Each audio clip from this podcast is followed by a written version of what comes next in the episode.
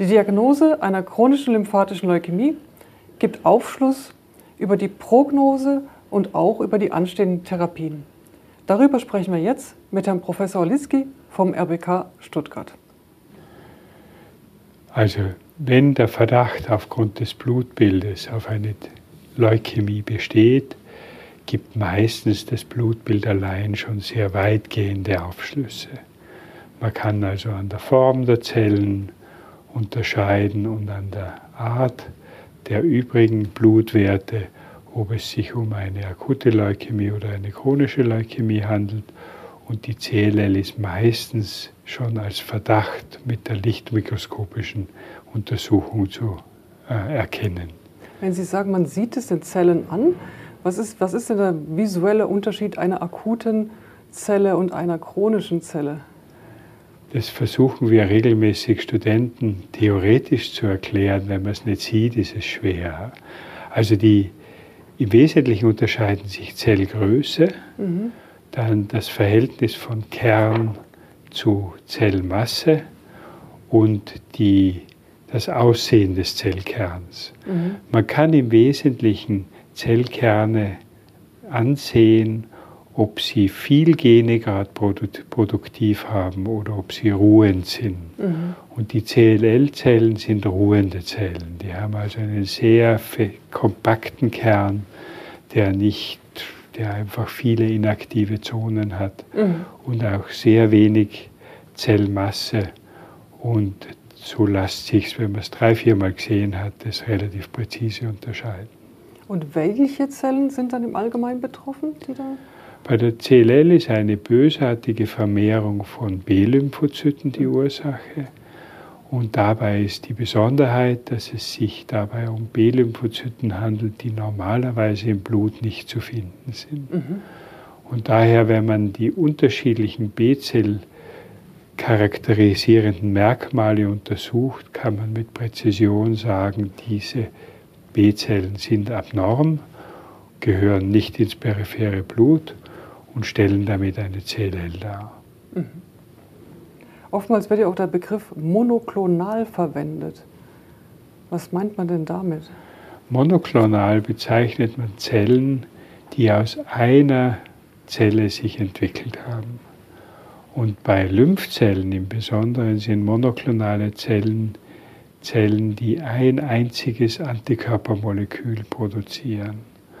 Und diese Monoklonalität ist ein abnormes Zeichen. Normalerweise hat man nicht so viele von derselben Zelle nachweisbar, dass man sehen könnte, dass hier eine Familie vorliegt. Und wenn das vorhanden ist, ist das immer ein Indiz dafür, dass eine Zellfamilie sich abnorm expandiert hat. Mhm. Und ähm, macht man auch diese sogenannte Immunophänotypisierung äh, im Rahmen der Diagnose? Die Immunphänotypisierung erlaubt eben die verschiedenen B-Lymphozytentypen zu identifizieren. Und wenn man dann einen entsprechend abnormen B-Zell-Phänotyp im Blut findet, dann kann man damit sehr präzise bösartige von nicht bösartigen B-Lymphozyten unterscheiden. Mhm. Gibt es da irgendwelche wichtigen Kriterien, nach denen konkret gesucht wird? Oder? Es sind Muster oder von Oberflächenmolekülen, mhm. die man nachweist.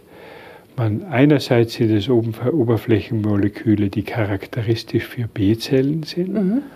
Und dann sucht man im Wesentlichen nach zusätzlichen Molekülen, die eben auf einer normalen B-Zelle nicht zu finden sind. Mhm. Und damit kann man relativ eindeutig eben normal von nicht normal unterscheiden. Mhm.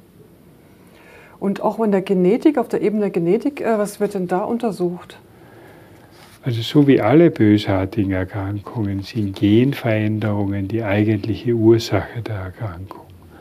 Und dabei gibt es Genveränderungen, die ein Indiz dafür sind, dass es sich eher um eine friedliche Variante mhm. der CLL handelt oder solche, von denen wir wissen, dass diese CLL-Typen häufig resistent gegen, gegen Therapien werden und damit Menschen auch bedrohen können. Ah, okay. Und das kann man anhand der Genuntersuchungen relativ gut feststellen. Relativ heißt in diesem Zusammenhang, dass es auch bei diesen sogenannten Risikogruppen innerhalb der Gruppen immer noch sehr große Unterschiede gibt.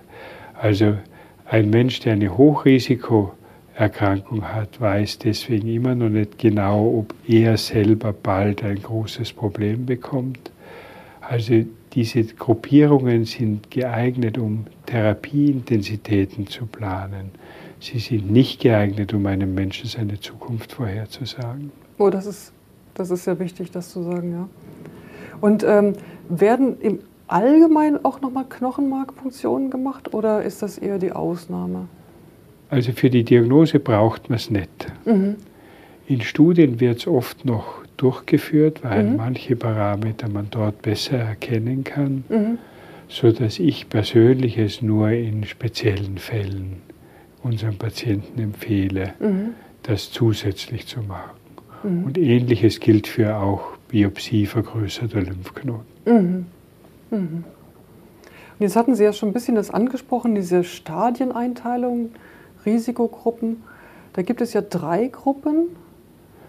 Also es gibt die Stadieneinteilung orientiert sich im Wesentlichen an der Tumormenge, also je mehr Lymphknoten, je größer die Milz und je schlechter das Knochenmark ist, umso mehr rückt das Stadium nach oben. Mhm.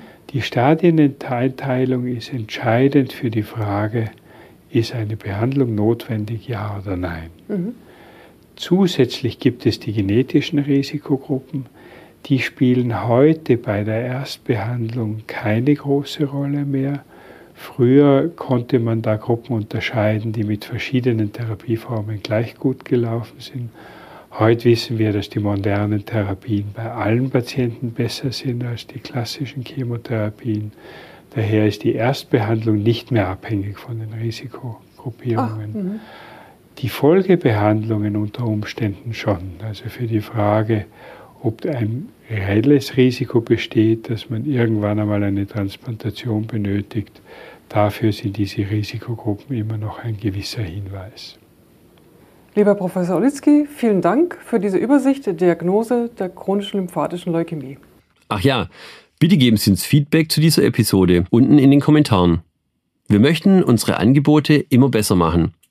Wenn Sie also konkrete Fragen haben und Sie bestimmte Themen besonders interessieren, lassen Sie es uns unter dem Video oder per Mail wissen. Und übrigens, abonnieren Sie unseren Kanal, dann verpassen Sie keine weitere Folge.